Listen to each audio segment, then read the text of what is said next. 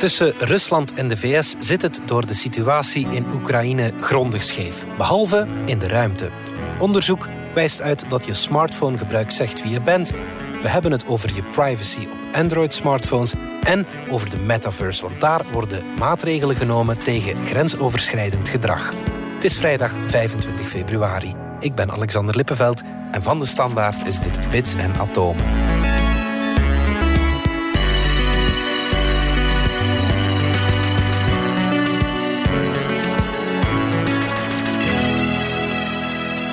Ignition sequence start.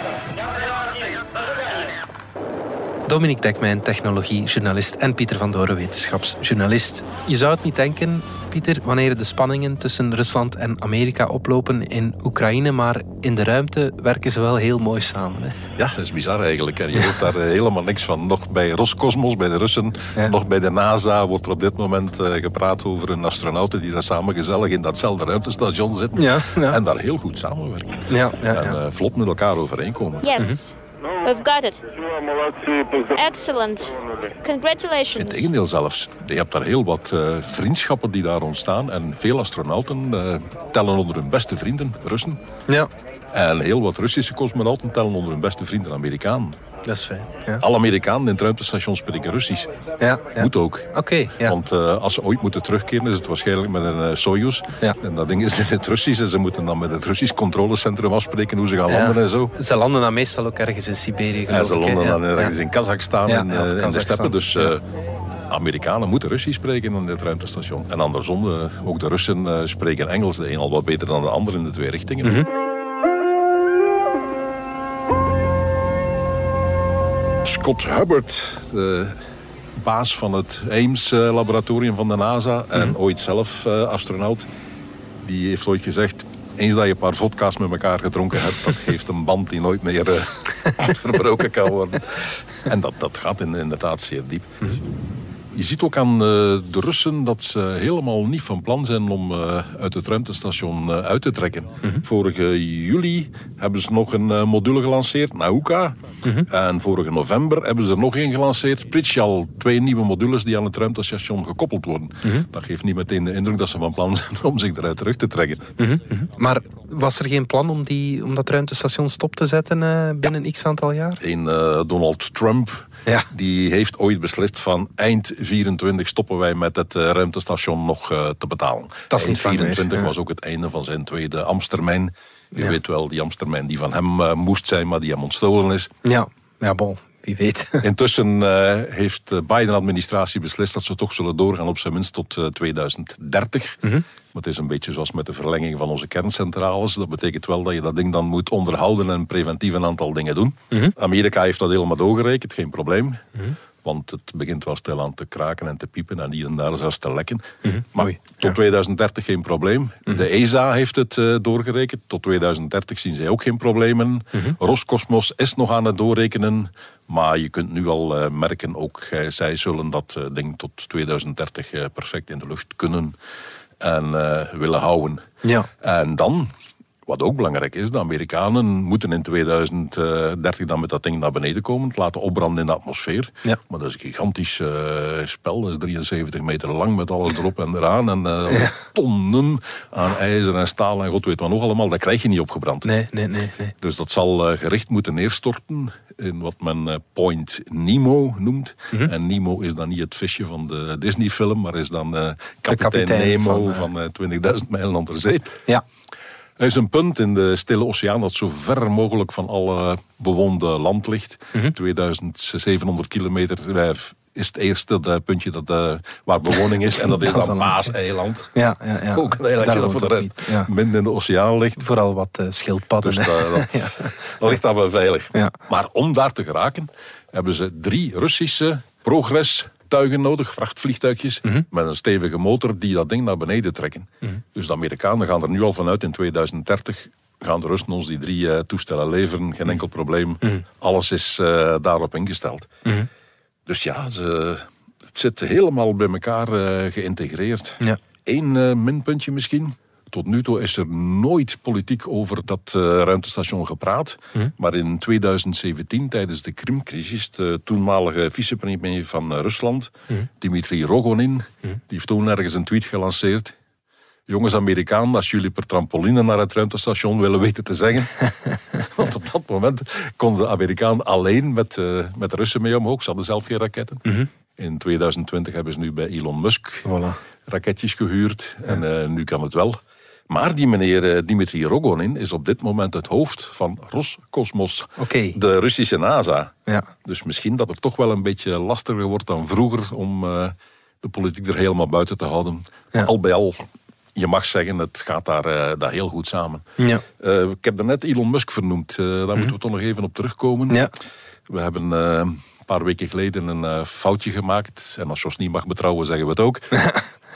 We hebben toen gemeld dat een uh, raket van uh, Musk op 4 maart, volgende vrijdag, zou inslaan op uh, de maan. Ja. Was een amateurastronoom die uh, een vlekje gezien had en gaan terugrekenen is waar dat vandaan kwam. Mhm. Mm -hmm. Maar nu blijkt dat wat op de maan gaat inslaan geen raket van Musk is, maar eentje van de Chinezen. Oké, okay, ja, ja, ja. De amateurastronoom die dat ding gezien had, heeft teruggerekend tot een bepaald punt waar hij kwam in de buurt van ja, hier is Musk uh, op dit moment met zijn raket geweest en voor de rest nog in ruimte, nog in tijd is hier ook maar enig ander ding in de buurt. Ja. Alleen, nog een jaar voor Musk hadden de Chinezen iets gelanceerd, ook een... Uh, trap weggegooid. Mhm. Mm -hmm. En die was al een jaar onderweg. En net op het moment dat Musk daar zijn uh, raket uh, loslaat, moet die Chinese trap ook in de buurt.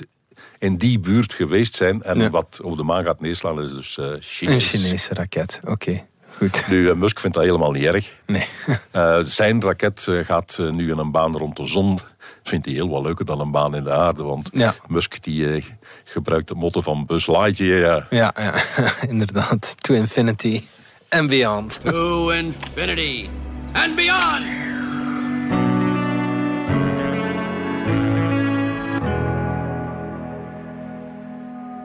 In tijden van MeToo moeten we het ook hebben over uh, de virtuele realiteit. Want ook daar gebeuren aanrandingen. Dat is zeker niet oké. Okay. Dominique, twee proto-metaverses nemen alvast maatregelen. Vertel. Ja, het meest recente is dat uh, Altspace VR. Een virtuele wereld waar je als avatar uh, rondloopt. Dat is eigenlijk de virtuele wereld die Microsoft een aantal jaren geleden heeft opgekocht. Toen kreeg dat niet zoveel aandacht. Maar nu Aha. plots heeft iedereen de mond vol over metaverse. Mm -hmm. En nu wel natuurlijk, ja. Uh, ja, voilà. Maar twee weken daarvoor had, had Meta... De, dat de nieuwe naam is van Facebook. Ik zeg het er altijd nog eens even bij. Ja. Die hadden in hun virtuele wereld initieel gelijkaardig tegengekomen. En dat is Horizon Worlds, maar wij kunnen daar niet op. Mhm. Terwijl we op Altspace VR wel kunnen. VR-chat is nog zo'n virtuele wereld. Daar kan je wel op. He, je zet dan je VR-bril op, die zet je op je neus en dan ben je in die virtuele wereld. En dan kan je zelf bepalen hoe je er precies uitziet. Ja, je kan beslissen om er in de virtuele wereld uit te zien als die rode robot uh, waarmee Mark Zuckerberg aan het kaartspelen was in een demo-video die ze vorig jaar uitbrachten. Uh, ik heb op Second Life, dat is een virtuele wereld van 15 jaar geleden, ooit een gesprek gehad met een man die eruit zag als de, de Predator uit de, de films. Maar dan met netkousen aan. Ja. Uh, maar overdag was het, of tenminste in het echte leven, was dat een, een keurige meneer die voor IBM werkte. This changes the way we see the world. And in turn, changes the world we see. Vrouwen komen in die wereld, of mensen die zich in die wereld voordoen als vrouwen, maar mensen die kiezen om er als vrouw uit te zien of herkenbaar te zijn als vrouw, hebben al heel snel gemerkt dat mannen zich in die metaverse uh, niet beter gedragen dan in het echt. Sterker nog, de neiging hebben zelfs om zich daar slechter te gedragen. Changes the way we see the world. Die virtuele wereld van, uh, van Meta was Mhm. nog geen dag uit, geloof ik, toen de eerste berichten kwamen van vrouwen die zeggen van ja, ik, stond, ik, ik was omringd door uh, allemaal mannen en die, uh, Ja. die kwamen altijd maar dichterbij en, en dat beho- behoorlijk eh, griezelig is. En het is heel erg gelijkaardig aan de trollen die je vooral als vrouw tegenkomt op Twitter, Facebook, Instagram en ik kan er zo nog wel een paar noemen. Behalve dat, in die metaverse zit je wel echt ondergedompeld. Je hebt die bril op je hoofd en het is het is heel, heel echt. En Ja, dat kun je erbij persoonlijker, zeggen. ja. Ze kunnen je niet aanraken. Hè? Dus het is niet op dit moment met de metaverse zoals wij die nu kennen, is er geen enkele manier dat je iemand kan aanraken. Maar wel je kan geen hand geven. intimideren, Maar je kan Ja. heel, heel dichtbij komen. Ja. En en eigenlijk zelfs afhankelijk van de omgeving, door iemand heen wandelen. Want eh, strikt genomen, we zijn maar avatars daar. hè. Maar dus, eh, en je hebt wel het begin van eh, aanraking, feedback. Men is daar juist aan bezig om ervoor te zorgen dat je tenminste met speciale handschoenen aan, maar die hebben de meeste mensen niet, dat je wel zou kunnen voelen dat je ergens in de buurt komt. Dus eh, een heel gevoelig terrein dat daar bezig is. Nu, eh, direct zijn die bedrijven aan het proberen op te treden te- tegen eh, dat soort problemen. Want dat is natuurlijk niet eh, hetgeen dat ze wilden. Dat het eerste dat je te weten komt over de virtuele wereld Horizon Worlds is dat er al vrouwen zijn aangerand. En dat was eigenlijk stik genoeg wat er gebeurd is. Heel veel mensen, het eerste dat ze ervan lezen in de krant is dat. Eh, dus een slechte start. En Altspace van Microsoft dus had gelijkaardige problemen. En ze zijn beide tot gelijkaardige oplossingen ook gekomen. En één daarvan is dat je dus nu op Horizon Worlds, dat hebben ze dan twee weken geleden aangekondigd, een soort virtuele ehm, bubbel rond jezelf kunt creëren, waardoor niemand dichterbij kan komen dan een virtuele afstand van ongeveer een meter twintig. Dat is al dat, maar pestgedrag is natuurlijk meer dan alleen dichterbij komen. Ja, hè. precies. Maar, voilà. maar, maar dat soort mate, dat soort heel basic dingen is men nu eigenlijk aan het zetten. En eigenlijk had Altspace, eh waar we het nu ook over hebben, Altspace had dat al, zo'n bubbel, maar die stond niet default aan. Het is niet zo handig dat je dan inderdaad op een bepaald moment moet concluderen, waar die mensen beginnen toch heel dichtbij te komen. Ik ga rap zoeken waar die bubbel ook alweer was. En dus nu ook in Altspace heeft men die mogelijkheid die eigenlijk al bestond, nu default aangezet. Dus sowieso kan niemand al te dicht bij je komen, tenzij je expliciet zegt van ik ga dat nu wel toelaten. Ja. Simpel, basic. En je, je zou zeggen, gek dat ze daar nu pas op komen. Eh, Nadat er al wat problemen zijn geweest. Maar we zijn in de geboorte van een nieuw medium aan het meemaken. Het andere dat Microsoft nu net beslist heeft, was we gaan ervoor zorgen dat iedereen verplicht wordt met een, een Microsoft-account eh, in te loggen. En dat wil eigenlijk zeggen dat we die mensen hun identiteit kennen. Dat is het verschil eigenlijk tussen Facebook en Twitter. En gedragen we ons ietsje beter op Facebook dan op Twitter. Ik denk het wel. Hè. Ik denk dat dat nog altijd zo is. En dat dat voor een flink stuk is, omdat je op Facebook met je naam en toenaam aanwezig bent. En op Twitter ben je een beetje min of meer anoniem. Ja. En ik denk, men- eh, dus heel veel mensen vonden die anonimiteit in die virtuele wereld heel aantrekkelijk. Je kan letterlijk zijn wie je wil. Hè. Je kunt al je gal Maar- eruit kotsen. Ja. Als je duidelijk met je naam herkenbaar bent, gedraag je je wel beter. En dat Mhm. is gewoon een bewezen feit. Hoe moeten we daarmee omgaan? Wel, in ieder geval denk ik dat we in die richting gaan dat je wel degelijk met naam en toenaam ergens zult moeten registreren. Mhm. Facebook had dat eigenlijk al gedaan. Hè, Meta had dat al gedaan voor, voor Horizon Worlds. Want om een Oculus-account te hebben, voor die Oculus VR-bril, moet je eigenlijk een Facebook-account hebben. En een Facebook-account is gekoppeld aan je echte naam en vaak ook je echte foto. Dus we zullen in die virtuele wereld aan de ene kant wel degelijk eender wie kunnen zijn, maar dat zal toch gekoppeld zijn aan onze echte identiteit. Of we gaan ons te veel misdragen. Wat ook commerciële mogelijkheden geeft. Dat betekent dat je ook eh, als VIP eh, bekend kunt worden. En dat eh, exclusieve clubs toegang eh, kunnen geven. En dat je dan achteraf kunt mee pronken dat je in een exclusieve club zit in eh, zo'n eh, virtuele wereld. Ik denk dat we er dat, wel aan zullen wennen, dat dat de regels van het spel zijn. Maar dat gaat niet zonder enige weerstand, want effectief veel mensen vonden juist het, het fantastische aan die metaverse, dat ze daar iemand heel anders konden zijn. Maar dat geeft helaas het gevolg, en dat wisten we al van in die Second Life, waar ik net verwees, 15 jaar geleden, weten we wel, ja, dat sommige mensen dan een, een deel van hun persoonlijkheid willen uitleven die ze in het gewone leven niet, Niet, ja. kunnen slash durven laten zien. In Engeland was er een klein schandaaltje, omdat er dan eh, seksfeestjes, virtuele dan, volledig, eh, zich afspeelden in de virtuele wereld Roblox. Want Roblox is niet echt zo'n eh, metaverse, maar eigenlijk leunt het erbij aan. Maar het probleem met, met Roblox is dat er nogal veel door kinderen wordt gebruikt. En dus daar in Engeland, eh, waar men heel erg bezig is met de gevaren waar kinderen aan blootstaat op het internet, was dus verhaal, ik geloof dat het BBC was, die, die, die daar een reportage naar had gedaan en zegt van ja, kijk, kinderen zouden wel eens heel eventueel per ongeluk, als ze in Roblox aan het spelen zijn, een seksfeestje kunnen tegenkomen. Ja, dat is Ehm, niet de bedoeling. Nee, voilà. en, maar daar moeten we allemaal mee leren omgaan. Een flink stuk van de technologie-industrie denkt dat dat de toekomst is. Hè? Na sociale netwerken, na het internet met websites zoals, en apps zoals we dat nu kennen, gaan we naar een internet waar dat we binnenstappen in de vorm van een avatar.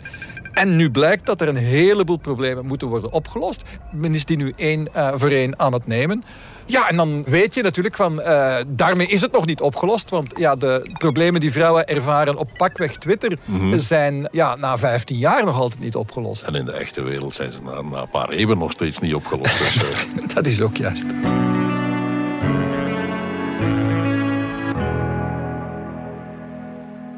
Je smartphonegebruik zegt wie je bent. Onderzoekers hebben het logboek van 780 smartphonegebruikers gedurende een week lang gevolgd. En Pieter, blijkbaar zijn we wel heel erg voorspelbaar in onze Ja, we smartphone. zijn meer uh, gewoontedieren dan we zelf uh, denken of zelf willen toegeven. Mhm.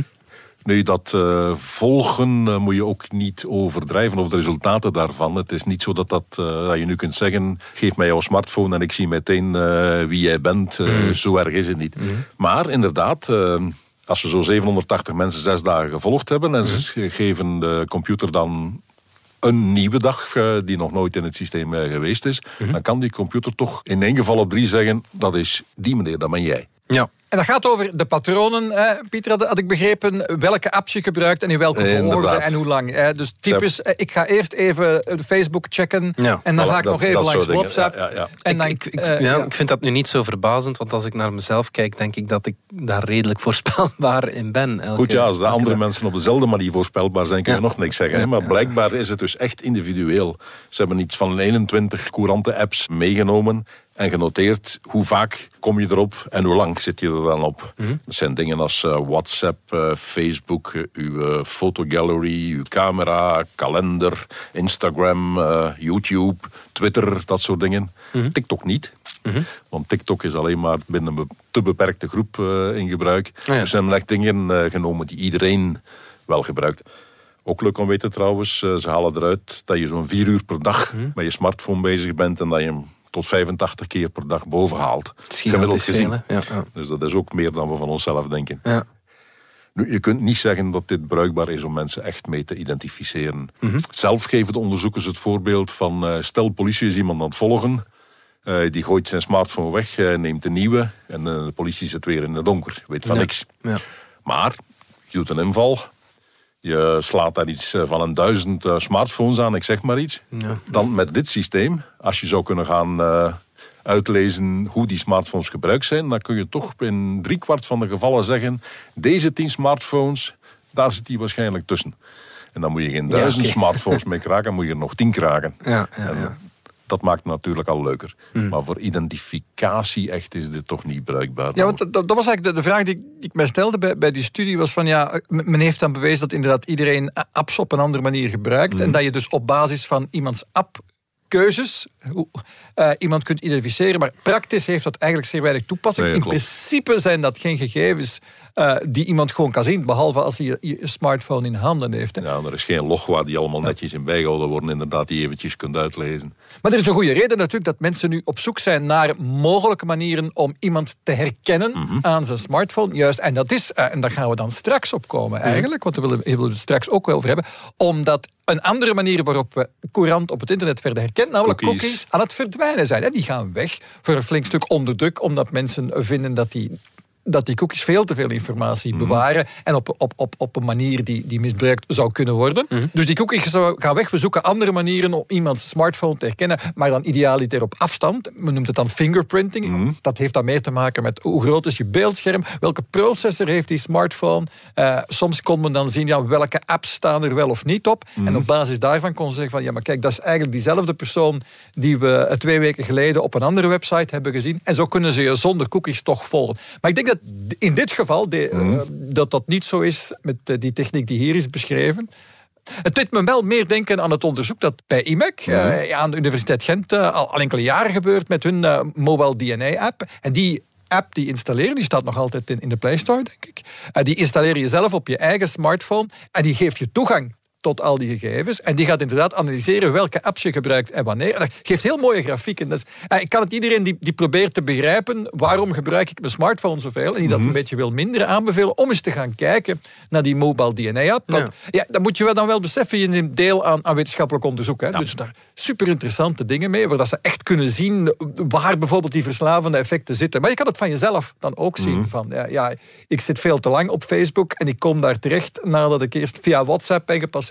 Dat soort dingen kun je daar zien. Het is Super interessant onderzoek. Dus als het erom gaat van je eigen smartphonegebruik beter begrijpen en dan ook begrijpen hoe je dat zou kunnen eventueel veranderen, verbeteren, eh, vind ik dat soort onderzoek heel, super interessant. Ja. Ja, klopt. eh. Eh, herhaal nog eens, waar kan je dat juist Ah ja, dus de, de, de mobile DNA-app, Ja. dat is in één woord geschreven. En ik denk dat die alleen in de Play Store voor, Android-gebruikers is. Ik, Ja. ik meen te, eh, te begrijpen dat, dat, dat op iPhone dat er geen manier was om, om apps toegang te geven tot die informatie. Wat weer iets zegt over het verschil tussen de manieren dat Mhm. iPhone en Android eh, met privacygegevens omgaan. Ja, inderdaad. En dat brengt ons naadloos bij het volgende onderwerp, Dominique. Privacy op je smartphone.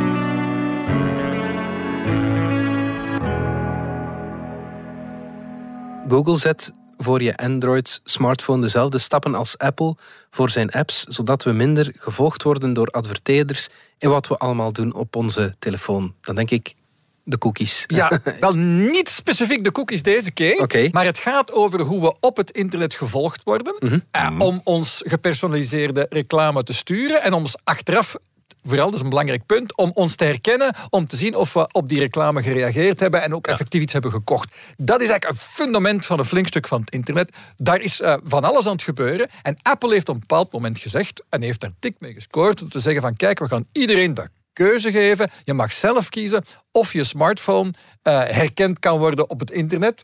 Mensen beslissen zelf. En wat Dat is die melding, mensen vraag, vraag app om niet te ja, tracken. ja, je, dus elke app moet toelating vragen om je te mogen volgen buiten de app. En die toelating mag je dus gewoon weigeren. En, wat, en dat doen de meeste mensen ook. En dat heeft een gigantische impact op de hele internet-economie. En de internet-economie is een enorm stuk van de echte economie. Je moet, moet zien, als je ziet dat de waarde van eh, Meta, het bedrijf achter Facebook, bijna gehalveerd is in enkele maanden. Die aandelenkoers is werkelijk ingestort. The unthinkable happened. Facebook. Facebook, Facebook or Meta. Meta, also known as Facebook. The stock has dropped significantly. The stock is plummeted. Recent drop. Is this a crash? toen gebleken was hoe erg de impact is van die maatregel bij Apple. Facebook is een van de belangrijkste plaatsen waar mensen online advertenties eh, plaatsen. De andere is Google. Hè. Maar Facebook belooft aan adverteerders, ja, je, je adverteert dan en dan kun je hem achteraf, hè, als je dan iets kan kopen op je website, weet je precies van die heeft die advertentie toen op Facebook gezien. En dat zit nu af. Ja. Dus adverteren op Facebook kan nog wel. Facebook weet nog veel over ons, maar Facebook weet niet meer waar we buiten Facebook zijn geweest. En dus kan, kan, kan het ook niet meer aan de adverteerder vertellen precies welke advertentie hoe goed gewerkt heeft.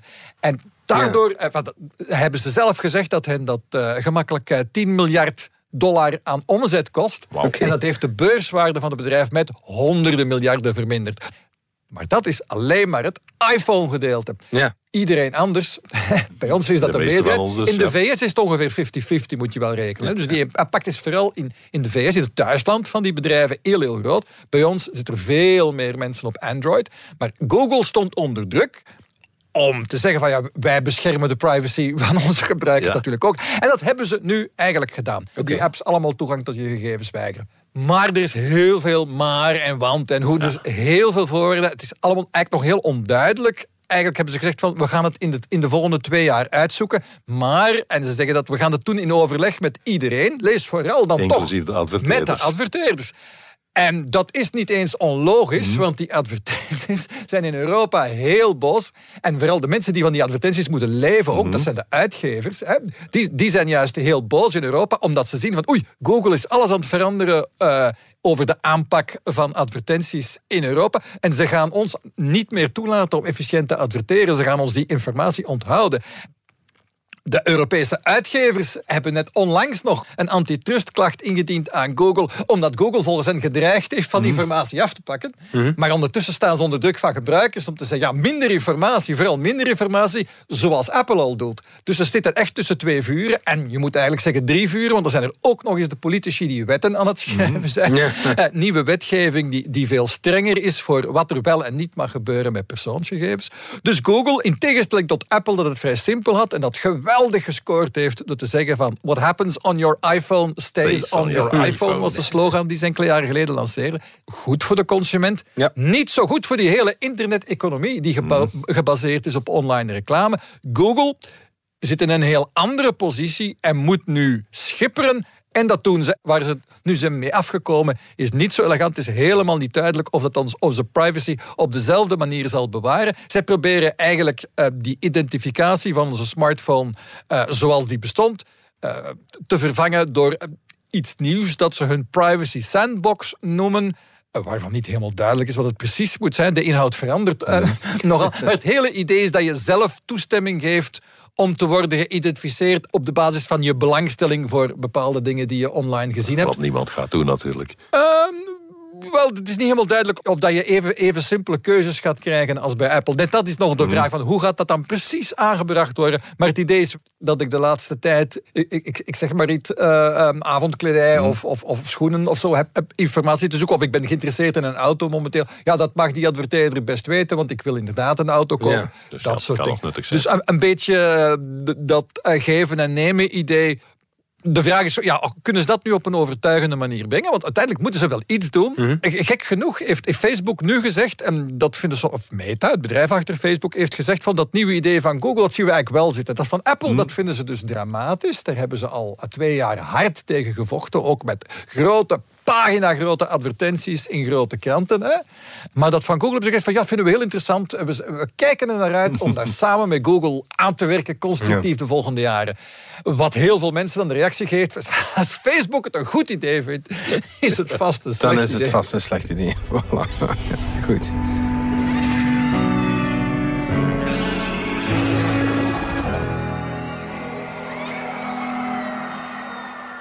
Eindigen doen we zoals altijd met de dino van de week. Pieter, dat is een Portugees deze week. Ja, Vertel. in Portugal is weer een nieuwe dinosoort ontdekt. Het is een uh, Spinosaurus. Dat zijn die dingen met zo'n groot zeil op hun rug. Oh ja. Deze is uh, compleet nieuw, want het is een Spinosaurus, maar met de bek van een krokodil ruwweg. Het heeft een heel andere bek als uh, normaal. Mhm. Mm -hmm. En die heet Satarioi. Okay. En Satario is uh, de kerel die dat uh, ding in 2011 al ontdekt heeft. Het werd toen toegeschreven aan Baryonyx, een bekende soort. Maar nu in 2020 hebben ze een nieuwe opgraving gedaan op dezelfde plaats. En ik bedoel exact dezelfde plaats, een stuk van 5 bij 2 meter. Ja. En daar hebben ze nog botjes gevonden. En, en daar zitten geen dubbels bij. Dus het moet een botje zijn van dezelfde dino. En daaruit hebben ze nu kunnen afleiden. Nee, het is dus een nieuwe ja, soort. En nu we toch bezig zijn over uh, dino's en uh, kroko's. In Australië is dan weer een uh, krokodil gevonden. Goed, dat is niet zo gek. In Australië leven ook vandaag nog ja, krokodillen. Denk aan Crocodile Dundee. Ja. Maar deze was 95 miljoen jaar oud. Ja. En ze hebben ze voorzichtig losgebikt. Al die botjes uh, geanalyseerd. Want het was serieus gebroken en gekraakt en vervormd. Ja, Puzzel gelegd. En zaten ze met een paar stukken over. Ja. En nu blijkt, toen nu de hele puzzel gelegd is, dat in de maag van die krokodil een klein dinootje zat. Oké, okay. ja. Dus ja. het is de eerste keer dat we weten dat een krokodil ook dinosaurussen had. Hm, okay. okay. Een klein dinootje, het formaat van een grote kip. Een ja, krokodil was iets van 2,5 meter, dus er was eventjes hap, ja. slik weg. Maar het is toch opvallend dat uh, krokodillen ook dino's uh, eten. Dus dat ja. weten we vanaf nu. Ja. En die krokodil heeft dan meteen ook maar een nieuwe naam gekregen. En die heet dan Confractosuchus sauroctonus. Okay. En als je dat vertaalt, dat betekent dat zoiets als uh, verbrokkelde dino-doder. Oké. Okay.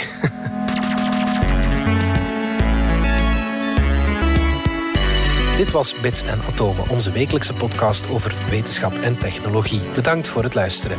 Ken je trouwens DS Podcast al, de podcast-app van de Standaard? Daar luister je niet alleen naar onze journalistieke reeksen, je krijgt ook elke week een eigenhandige selectie van de beste nieuwe podcasts op de markt. Alle credits van de podcast die je net hoorde vind je op standaard.be-podcast. Reageren kan via podcast.standaard.be. Volgende week zijn we opnieuw.